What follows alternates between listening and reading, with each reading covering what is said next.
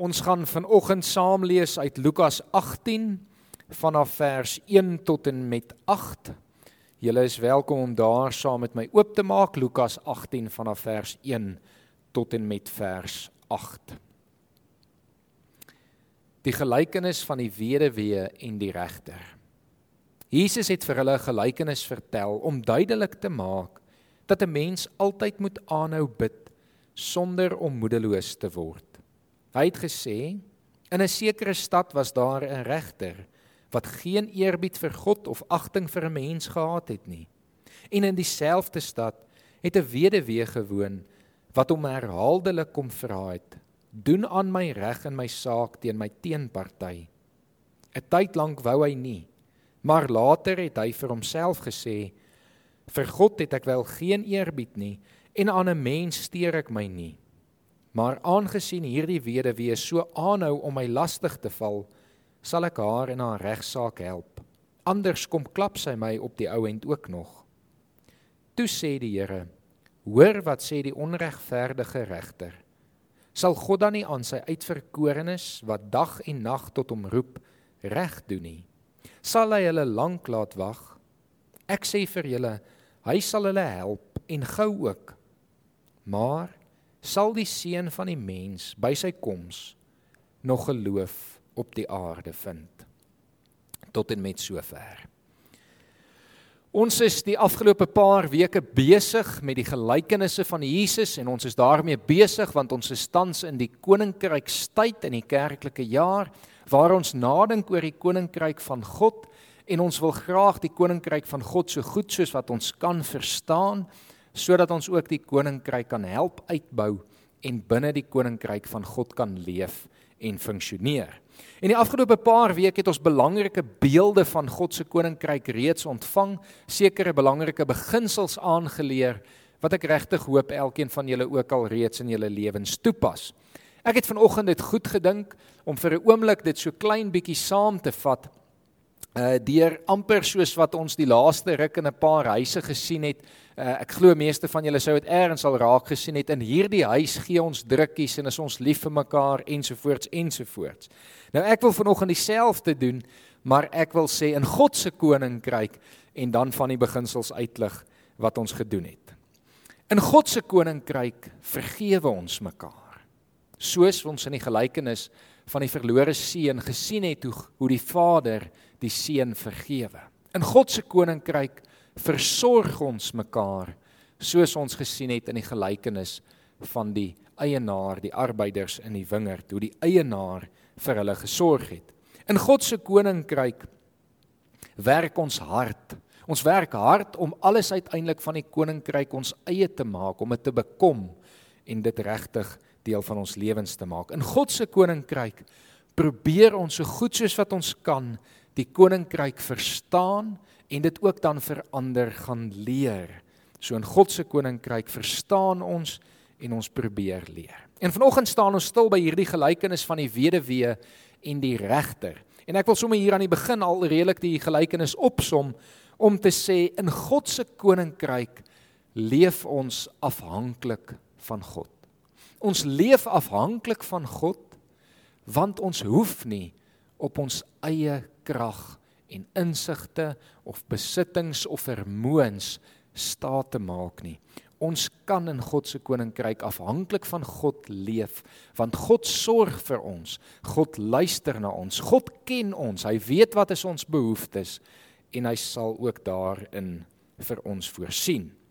Om hierdie punte illustreer en om sy disippels regtig aan te moedig om aan te hou bid sonder om moedeloos te word, lees ons vertel Jesus dan hierdie gelykenis van die onregverdige regter en die weduwee. En Jesus begin hierdie gelykenis om te sê dat daar 'n regter in 'n bepaalde stad was wat nie vir God respek gehad het nie en ook nie enigsins medegevoelens vir sy mens gehad het nie. Nou die oomblik wanneer Jesus hierdie sê, dan moet ons besef Jesus praat waarskynlik hier van 'n Romeinse regter in een van die Joodse stede. En die rede hoekom ek dit sê is dat in die tyd van Jesus dit die gebruik was vir die Romeinse ryk om regters en amptenare in elke Joodse stad aan te stel en daar te plaas om seker te maak dat daar aan die wette voldoen word. Maar hulle het ook nie gebruik gehad dat die inheemse volk in hierdie geval die Jode se eie wette ook van toepassing mag wees. Maar hier word 'n regter aangestel wat geen respek vir God het nie. Hy glo nie in God nie en daarom glo hy ook nie in die wette wat ons in die Ou Testament saamgevat sien nie en hy het geen respek vir die Joodse volk nie en daarom wil hy nie sy werk doen nie. Hy wil nie luister na hulle sake nie. Hy's hier aangestel, maar hy wil eintlik nie hier wees nie. Hy het nie respek vir die Here nie. Hy glo nie in God nie. Hy glo nie in hulle wette nie en hy wil veral byvoorbeeld nie luister na 'n saak soos 'n weduwee wat hom lastig val nie. Want hy glo nie in hierdie wette nie. Maar dan aan die ander kant van hierdie storie kry ons die weduwee. 'n Weduwee wat nie bereid is om op te gee nie. 'n Weduwee wat hierdie regter gereeld kom lastig val en hom vra om na 'n saak te luister. Ons kan eintlik sê sy het hom konstant gepla. Die die ehm um, Griekse woord wat hier gebruik word is 'n aanhoudende aksie. Sy het amper elke dag oral waar sy kon met hierdie regter gaan praat en hom gevra om aan haar versoek te voldoen. Ons lei af dat sy niemand gehad het wat eintlik vir haar kon instaan soos wat die Joodse wet veronderstel nie. En dat diegene wat waarskynlik na haar moes omsien, nie hulle plig wou nakom nie. En dit is waarskynlik hoekom sy hier na die regter toe gaan om dan ook vir haar te help. En 'n aanleiding van die hoeveelheid kere wat sy hierdie regter kom lastigval, gee hy uiteindelik moed op en om van haar ontslae te raak, doen hy sy werk. Hy luister na haar saak en hy maak 'n uitspraak. Ons lei af dat hy dit in haar guns doen. Nou die Griekse teks hier, uh moet ek dalk tog weer net so vir 'n oomblik by stil staan want dit is eintlik baie humoristies. Dit word ook vir ons hier vertaal. Die regter praat met homself en hy sê ek het geen respek vir God nie en ek hou nie van hierdie mense nie. Maar hierdie vrou val my so gereeld lastig en miskien sal sy my nog kom klap. Ehm um, sê die Afrikaanse vertaling. Nou die Griekse vertaling sê sê die regter direk en miskien sal sy my nog 'n blou oog kom gee. Nou die bedoeling hier is nie dat hy regtig gevrees het dat hierdie weduwee hom 'n vuishou sou kom gee het en hom sou aanrand of seermaak nie. Maar die konstantheid van haar gekla was so goed soos 'n vuishou. Dis eintlik 'n metaforiese taal wat ons hier te doen het mee en die regter bedoel, hy kan dit nie meer vat dat sy so gedurig aanhoudend hom pla nie en daarom sal hy wel na haar luister. Nou vergelyk Jesus hier die regter met God, maar in die teenoorgestelde. Soos wat hierdie regter nie wou luister nie, nie omgee nie, is God die teenoorgestelde. God wil luister. God wil omgee. God gee nie om dat ons gereeld met hom kom praat nie. En is interessant dat Jesus hierdie sê want ons weet dat die Jode eintlik die gebruik gehad het om net 3 keer per dag te bid. Hulle het eintlik geglo dat jy nie meer as dit op 'n dag moet bid nie, want dan is jy eintlik besig om God te pla. Maar hier kom sê Jesus, julle is welkom om soveel soos wat hierdie weduwee gebid het, gepla het, gekla het met die Here te praat. Hy luister graag. En daarom kan ons weet vandag dat ons gereeld eintlik konstant sonder ophou aanhoudend kan bid. Met die Here kan praat oor ons behoeftes, oor dit wat ons nodig het, oor dit wat in ons lewens aan die gang is, En ons kan sommer ook maar net met hom gesels want die Here luister graag. Natuurlik sluit hierdie ook aan by baie ander gedeeltes in die Bybel wat ons ook aanmoedig om sonder ophou te bid en gereeld te bid. Een voorbeeld hiervan is 1 Tessalonisense 5 vers 17 wat sê ons moet gedurig bid. Met ander woorde, ons kan konstant met die Here praat Die teks hier in Lukas in die gelykenis sê kan dag en nag tot hom roep. Met ander woorde, heeltyd, konstant, enige oomblik, enige tyd van die dag of nag kan ons met die Here praat en hy sal luister. Maar nou kom ek vanoggend by die moeiliker gedeelte. En dit is dat ons tog moet vra maar hoekom antwoord die Here dan nie al ons gebede nie? Hierdie gelykenis wil dit tog laat klink asof God definitief in absolute terme aan ons gebedsversoeke sal voldoen en ons gebede sal beantwoord. Die teks sê immers hy sal ons nie lank laat wag nie. Hy sal ons vinnig help. So hoe maak ons dan? Hoe verstaan ons dit? Veral in aggenome dat ons weet en waarskynlik elkeen wat luister kan vertel maar dat daar 'n klomp gebede is wat nie beantwoord is nie. Dat daar 'n klomp gebede die afgelope ruk ook hier in ons direkte konteks nie beantwoord is nie. Hoe moet ons dit verstaan? Wat probeer Jesus regtig vir ons oor gebed in hierdie gelykenis leer? En om dit te probeer beantwoord, wil ek so kortliks bietjie stil staan by twee punte, maar voor ek daarby gaan kom, moet ek miskien ook net noem.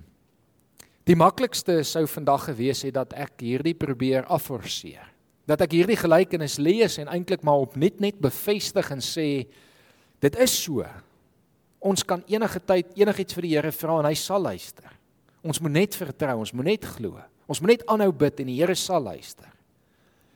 Maar vanoggend kan ek nie dit doen nie. Want ek dink nie dit is so eenvoudig nie. En ek dink nie regtig dit is hoe dit werk nie.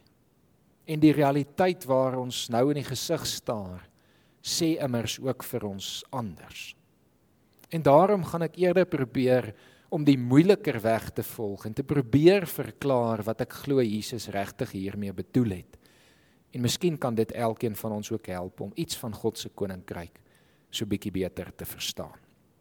Die eerste ding wat ek dink ons in ag moet neem uh om te verstaan wat Jesus hier bedoel is die konteks waarbinne hy hierdie gelykenis vertel. En as ons hoofstuk 17 gaan lees in Lukas, dan kom ons agter dat Jesus hierdie gelykenis vertel as reaksie op 'n vraag oor wanneer die koninkryk van God sal aanbreek. En dan antwoord Jesus onder andere in vers 21 en hy sê vir hulle: "Die koninkryk van God is nog aan die kom, maar Julle gaan nie kan sê dit is hier of dit is daar nie, want die koninkryk van God is hier by julle.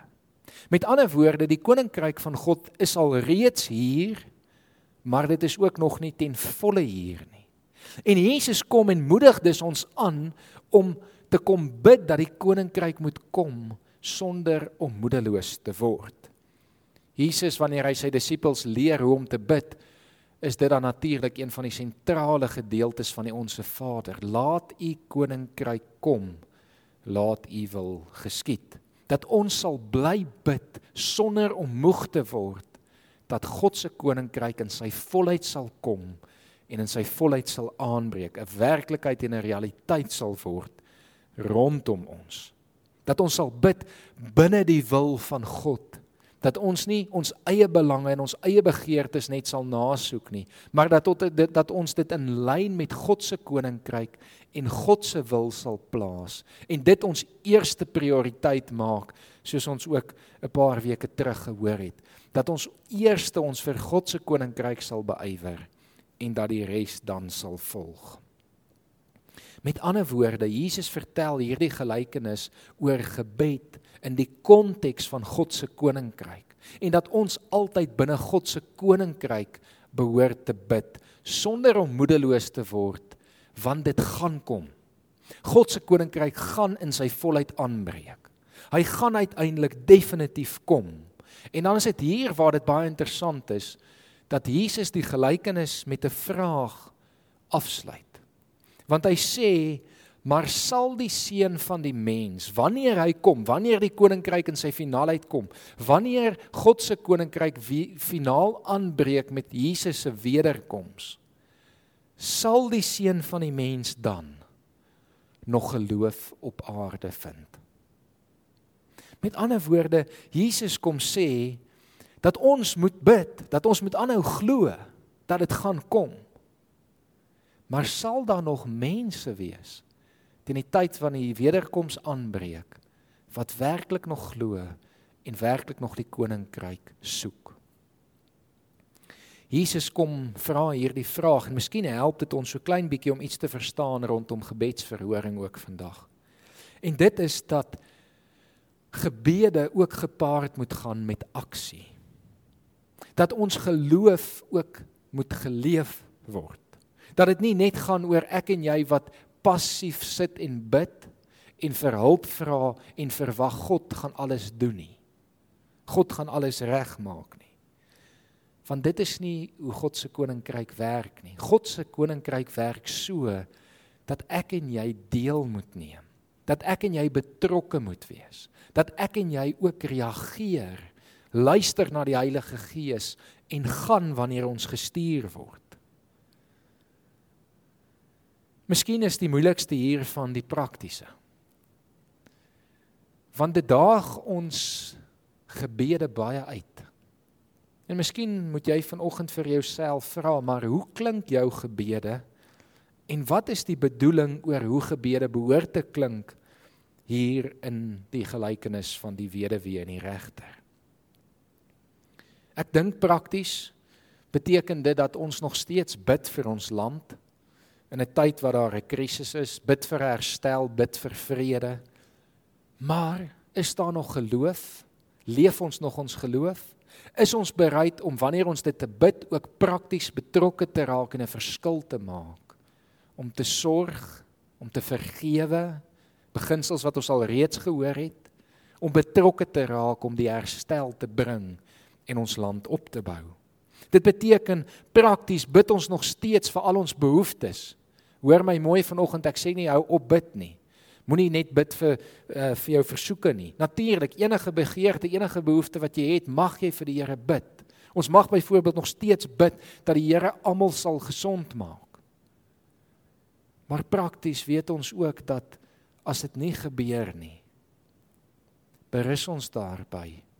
En beteken dit nie die Here het nie ons gebede geantwoord het nie, na ons geluister nie beteken dit dat daar 'n ewige perspektief is van 'n koninkryk wat wel nog gaan aanbreek wat ons in ag neem. En daarom weet ons dat al is dit nie nou beantwoord nie, in ewigheidsterme is persone gesond gemaak, is hulle genees, is hulle veilig. Hierdie gelykenis vrywaar ons nie daarvan om te sê maar bid net, hou aan bid en die Here sal elke gebed verhoor nie. Hy sal jou gesond maak. Jy gaan niks oorkom nie. Jy's gevrywaar van siekte en swaar kry nie. Dit is nie wat hierdie gelykenis sê nie. Al wil baie mense dalk ma dit maak, dit afforceer, dit afdwing asof dit dit is wat die gelykenis sê. Nee. Prakties dink ek dit beteken dat ons nog steeds bid vir die genesing van mense, maar dat ons as mense soveel soos ons kan gaan ondersteun, verantwoordelik is, doen wat ons kan dat ons sal bid vir vertroosting daar waar persone geliefdes verloor het. Maar dat ons ook sal gaan dat ons wanneer ons dit bid ook sal luister na die Heilige Gees wat ons stuur en gaan vertroos. Ons is immers mos deel van die liggaam van Christus. En daarom gaan ons as die liggaam van Christus en vertroos ons mekaar. En ons doen al hierdie dinge nie uit eie krag nie nie uit eie vermoëns nie. En dit is hoekom vanoggend se fokus nog steeds wat ek glo hierdie gelykenis vir ons wil sê is dat ons afhanklik van God al hierdie dinge moet doen. Dat ons in afhanklikheid van God in gebed sal intree. Want op ons eie kan niks van hierdie gebeur nie.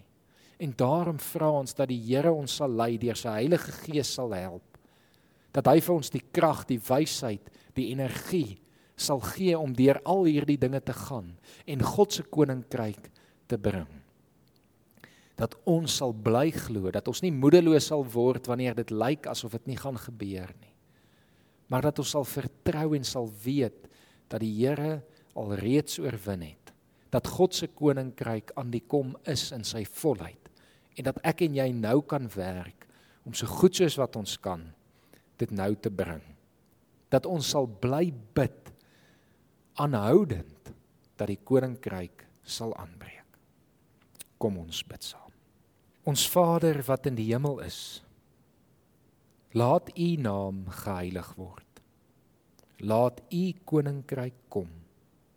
Laat U wil ook op die aarde geskied, net soos in die hemel. Gee ons vandag ons daaglikse brood en vergeef ons ons oortredings soos ons ook die vergewe wat teen ons oortree.